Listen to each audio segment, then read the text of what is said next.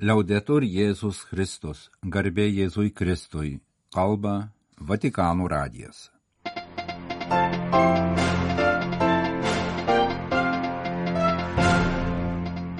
Malonūs klausytojai šioje antradienio vasario 20-osios programoje mažusios dvasinės pratybos su tėvu Kantalamesa, pirmoji dalis, ko ieškote.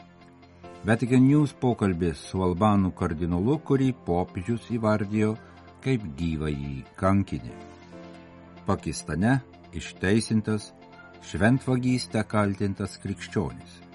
Pediatrinė ligoninė Bambino džiazų ir šventasis sostas. Šimtmečio jubiliejus.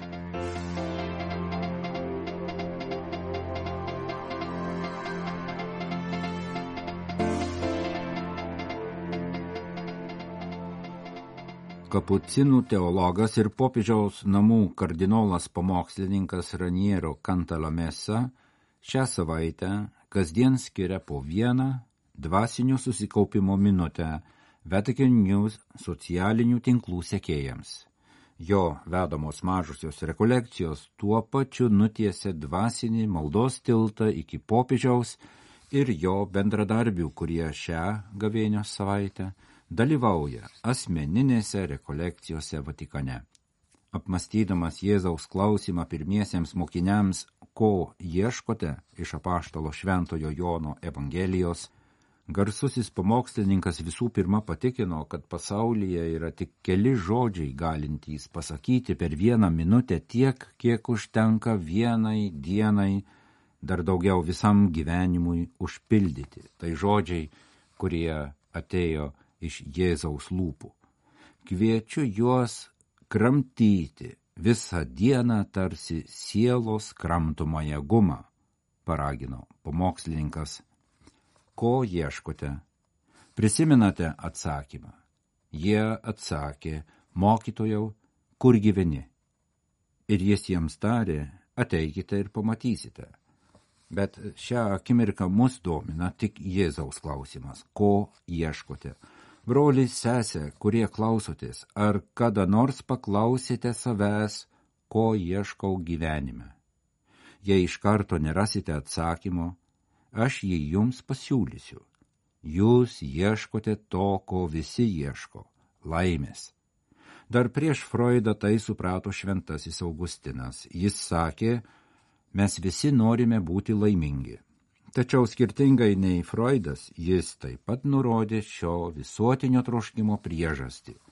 Tu mus sukūrei savo, sako Augustinas Dievui savo išpažinimų pradžioje, ir mūsų širdis bus nerami, kol neatsilsės tavyje. Broli sesė, pasitikrink, ar tik ne čia glūdi ir tavo didžio sielvarto ir nerimo paaiškinimas. Tai yra kad ieškojote vandens keurose talpyklose, o ne gyvojo vandens šaltinio, kuris yra Dievas. Besikalbant su Vatikano žiniasklaida, Šventojios Mortos namų kambaryje Vatikane Albanijos kardinolo Ernesto Simoni išgyvenusio komunistinio režimo persekiojimą ir popiežiaus pavadinto gyvuoju kankiniu, telefonas suskamba bent dešimt kartų. Turiu du mobiliuosius telefonus, vieną Europai, kitą Amerikai. Man skambina iš viso pasaulio, beveik 120 skambučių per dieną, sako kardinolas. Būna apie 50 prašymų atlikti egzorcizmą arba sukalbėti išlaisvinimo maldas. Jis meldžiasi lotyniškai, tą pačią kalbą, kuria jis slapta aukojo mišes kalėjimo kameroje, kur buvo pirmosios ateistinės valstybės pasaulyje uždarytas kaip priešas. Trečiadienį jis dalyvavo bendrojoje audencijoje Pauliaus VI salėje. 95 metų kardinolas komunistinio režimo metais maždaug 28 metus kalėjo, kentė persikėjimus ir grasinimus mirtimi. Kardinolas Pranciškonas konventualas puikiai prisimena tuos laikus. Mišes antrą valandą nakties ar už grotų su krosnėje kepta duona ir vynu, spaustų iš vynogių kekių, kaip ir pamaldas kanalizacijos kanaluose verkiančius draugus musulmonus, nes juos traukė šventoji dvasia. Šiandien kardinolas Simoni toliau dirba bažnyčiai, nuolat melsdamasis, vykdydamas egzorcizmus, lankydamas šventovės Europoje, Junktinėse Amerikos valstijose. Jis neprisiema savo nuopelnų, visa tai malonė ir dieviška apsauga. Mėgsta kalbėti ir pasakoti, visus sakinius baigia padėka Jėzui, Dievo motinai ar citata iš Biblijos. Kaip kardinolas jautėsi, kai popiežius trečiadienį pasveikino jį ir padėkojo visų tikinčiųjų akivaizdoje Pauliaus šeštojo salėje, pavadindamas gyvų kankiniu. Dieną prieš tai jie buvo susitikę, kalbėjosi apie tikėjimą. Tokios formos ir pagarbos per audenciją nesitikėjo, bet tai pasak kardinolo buvo gėlė bažnyčiai žmonėms ir Jėzui, kuris yra visų žmonių tėvas. Tai jis ypatingų būdų išgelbėjo mane nuo mirties, esu gyvas, ačiū Dievui. Net kai kunigaudavau Albanijos kalnuose, keturis kartus rizikavau nukristi į bedugnę ir buvau išgelbėtas. Viskas yra dieviška apvaizda pasakoja kardinolas patyręs įkalinimo, izolacijos, persekiojimo ir kankinimų siaubą. Jis prisimena, kad prieš suėmimą du kartus aukoja mišes antrą valandą nakties ir abu kartus daugelis tikinčiųjų matė verkiančio šventojo Antano statulą. Apvaizdos dėka galėjo slapta aukoti mišes kalėjime iš atminties lotynų kalba, kurią moka taip pat gerai kaip albanų kalba. Mišiuose buvo musulmonų, kurie verkė didelėmis ašaromis, nes juos traukė šventoji dvasia. Musulmonų profesorius su žmona davė jiems iš šaldytuvo vynogės ir jie iš jų spaudė vyną. O duona? Kalėjime buvo nedidelės krosnės, iš duonos kaliniai pasidarydavo ostijas. Švesdavo Eucharistiją kaip leido aplinkybės ir kanalizacijos tuneliuose 200 žmonių akivaizdoje. Jei kas būtų jį išdavęs, jį būtų nužudę. Kardinolas sako, kad tai buvo dieviška apsauga visomis formomis, jokio jo nuopelno. Ganytojas iš karto atleido kankintojams, remdamasis katalikų tikėjimu. Jis sako, kad Jėzus su begalinė meilė mylėjo ir myli visus žmonės. Jėzus sakė, kad didžiausias džiaugsmas danguje bus nusidėjėliui, kuris atsiverčia ir yra išgelbėtas, o ne milijardams angelų ir šventųjų, kaip padrasintų žmonės, kurie kenčia persekiojimus, kaip jis kadaise. Kardinolas pacituoja Jėzaus žodžius. Kaip mane persekiojo, taip ir tave persekios. Jis priduria, kad kančia pavirs džiaugsmu, niekas negalės iš persekiojamųjų atimti džiaugsmo, nes esame keliauninkai praeiviai.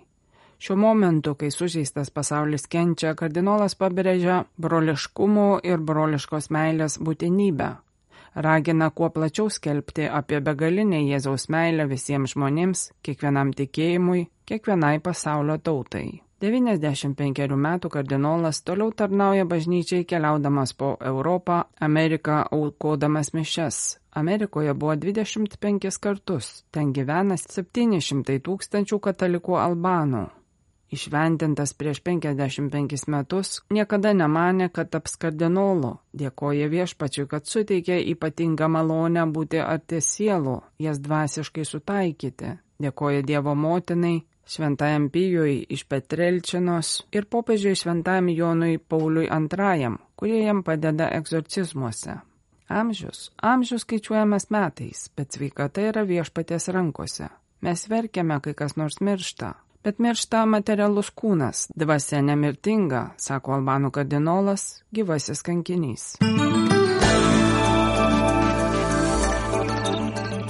Jūs klausotės Vatikano radio žinių laidos. Tęsėme programą.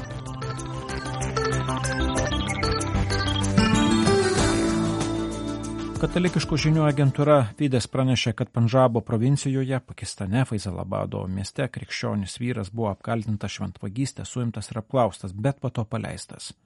Krikščionių bendruomenė lengviau atsikvėpė, nes anksčiau kaltinimas šventvagystė, ko ne savaime užtraukdavo pasmerkimą arba lemdavo minios įtužį. Anot žinių agentūros Vydas gautos informacijos, krikščionys Junis Masichas buvo apkaltintas vienos moters musulmonės, kad įžengė jos namus, ją užpuolė ir parodė nepagarbą Kuranui. Po šių kaltinimų vyras pats prisistatė į policiją ir su liudytojų pagalba įrodė pareigūnams savo nekaltumą. Vietoj jo suimta jo kaltintoje. Galima priminti, kad šventvagystės nusikaltimas Pakistane yra labai sunkus ir gali užsitraukti didelę baudą, ilgametę įkalinimo bausmę ir net mirties bausmę. Tad sunki bausmė numatyta ir tam, kuris neteisingai apkaltina asmenį tokiu nusikaltimu. Bet, kaip daug kartų yra patyrę Pakistano krikščionys, labai dažnai kaltinimas religinės mažumos narių šventvagystė ir pikžodžiavimu buvo priimamas be jokio išsamesnio tyrimo ir reiškia iš ankstinį pasmerkimą. Buvo atveju, kai asmenys buvo teisiami už tai, jog esą parašė nepagarbę Korano ir pranašai Mahometui SMS žinutę, kurios dabar neįmanoma parodyti, nes ji tuoj pat buvo ištrinta. Patirtis rodo, kad kaltinimai dažnai motivuojami asmeniniu nesutarimo. Ko gero, tai buvo ir šį kartą. Krikščionio ir jį kaltinusios moters šeimos turėjo turtinių ginčių. Todėl, pasak Pydės pranešimo, krikščionių bendruomenės atstovai pozityviai įvertino tai, kad teisėjai sauga neskubėjo patikėti kaltinimais pikdžodžiavimu.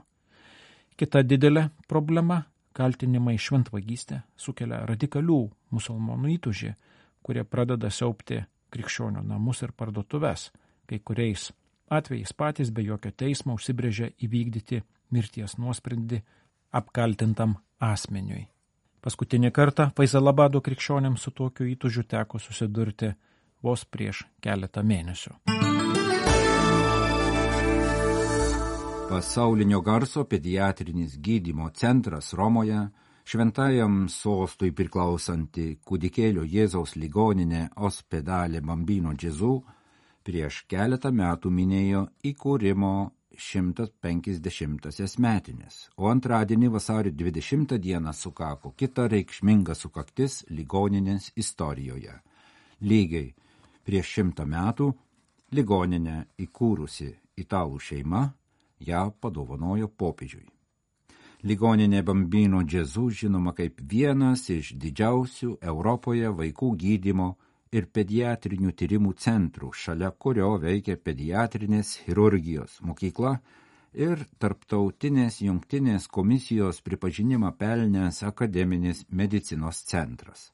Anot popiežiaus pranciškaus pediatrinė ligoninė Bambino Džezų yra labai ypatinga ligoninė. Ligoninė siekia būti konkrečių bažnyčios artimų meilės ir gailestingumo ženklų tiek taikant pasauliniu mastu vaikų gydimo mokslinius tyrimus, tiek liudijant, kad įmanoma užtikrinti nemokamą gydimą sergantiems vaikams. 1924 metais Salviatį šeima padovanojo popiežiui Pijui XI jų pačių įkurtą ir daugiau kaip penkis dešimtmečius puikiai veikusią vaikų ligoninę ant Dženykolo kalvos Romoje su tūkstančių lovų ir pajūrio filialu Santa Marinella prasidėjo šventojo sosto įsipareigojimas sergantiems vaikams, o ligoniniai nauja plėtros fazė. Buvo atidaromos naujos palatos ir steigiamas vaikų lygų mokslinių tyrimų centras. Antrasis pasaulinis karas gerokai sulėtino ligoninės plėtrą, karo metu visko trūko, o fašistinis režimas nusavino ligoninės pajūrio būstinę. Tačiau ligoninė toliau dirbo, taip pat vykdydama neeilinius uždavinius. Popiežiaus Pijaus XII nurodymų ligoninėje slapstyti nacijų persekiojami žydai ir politiniai kitaminčiai, jų šeimos su vaikais. Dieną suaugusieji dėvėdavo baltus gydytojų ir slaugų halatus, o vaikai būdavo paskirstyti po ligoninės palatas. Kol ligoninė valdė Salvijati šeima, Jos veiklą rėmė Italijos monarchų šeimos. Karalius Viktoras Emanuelis III aplankė per 1915 metų žemės drebėjimą sužeistus vaikus. Padovanojus ją popiežiui, ligoninė tapo šventojo sosto institucija. Jos veiklą rėmė pasaulio katalikai, ypač Junktinių Amerikos valstijų. Būtent Amerikos episkopato paramos dėka ligoninė Bambino Džezų galėjo atsigauti po pasaulinio karo. 1958 metais popiežius Jonas XXIII kalėdų proga aplankė savo ligoninės vaikus pacientus, kai kas pamanė, kad aplankyti atėjo kalėdų senelis. Netrukus pradėjo veikti pirmoji ligoninės mokykla vaikų globos seselėms. Vėliau ligoninė buvo integruota į Lacijaus regiono, paskui į nacionalinę Italijos sveikatos sistemą. Paulius VI pajūrio vietovėje Palidoro įsteigė naują pajūrio filialą vaikams su stuburo problemomis ir sergantiems diabetu. 1985 metais ligoninė Bambino džezų pripažinta moksliniu hospitalizacijos ir slaugos institutu. Plėtojama klinikinė, mokslinių tyrimų ir eksperimentų veikla, siekiama nustatyti naujoviškus gydymų būdus, didėja tarptautinis bendradarbiavimas, pradedamos bendradarbiavimo misijos besivystančiose šalyse. 2009 metais pediatrinė vaikų ligoninė Bambino džezų tapo universitetinė ligoninė o Romos Tor Vergata universiteto pediatrijos katedros būstinė buvo perkelta į Bambino Džezų universitetinės ligoninės centrinę būstinę Romoje prie pat Vatikano. Per pastarąjį dešimtmetį ligoninės plėtra dar labiau paspartėjo. 2012 metais įsteigtas Šventojo Pauliaus filialas su naujomis patalpomis netoli to paties vardo popiežiškosios bazilikos Romoje su mokslinių tyrimų laboratorijomis, aprūpintomis moderniausiomis genetinių ir lastelinių tyrimų technologijomis. Šiame filiale atidaryta nauja palata ypatingai retoms lygoms sergančių vaikų gydymui. 2022 metais pajūrio vietovėje Pasoskūro pradėjo veikti dar viena nauja gydymo ir slaugos būstinė pediatrinis paliatyvinis gydymo centras, kuriame sudarytos sąlygos priimti šeimas ir slaugyti sunkiomis lygomis sergančius vaikus, kurių priežiūra labai sudėtinga. Šiemet pranešta dar viena naujiena. Ligoninė žada keltis iš istorinių patalpų į naujas, buvusios ir nebeveikiančios Forlaninį ligoninės patalpas į vakarus nuo Romos centro. Vasario 8 dieną pranešta, kad Šventojo sosto ir Italijos atstovai pasirašė ketinimų protokolą dėl ligoninės perkelimo. 2019 metais minint ligoninės 150 metinės popiežius Pranciškus audiencijoje priėmė kelis tūkstančius ligoninės bambino džezų bendruomenę sudarančių vadovų, gydytojų, mokslininkų, medikų, slaugų, savanorių geradarių, kapelionų, taip pat pacientų su šeimomis. Popiežius pasidžiaugė pediatrinės ligoninės tarptautinių mastų pelnytų aukštų įvertinimų, ligonės paveldą pavadino avangardiniu, skirtų ateičiai.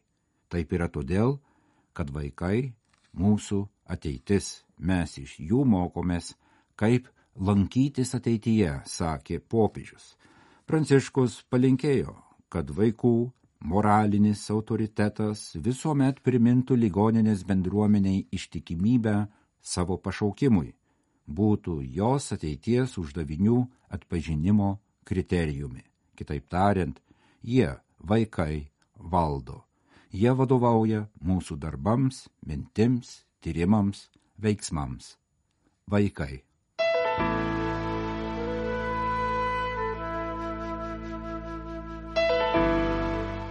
kalba Vatikano radijas, laidą lietuvių kalba baigėme. Garbėjai Zui Kristui, liaudetur Jėzus Kristus.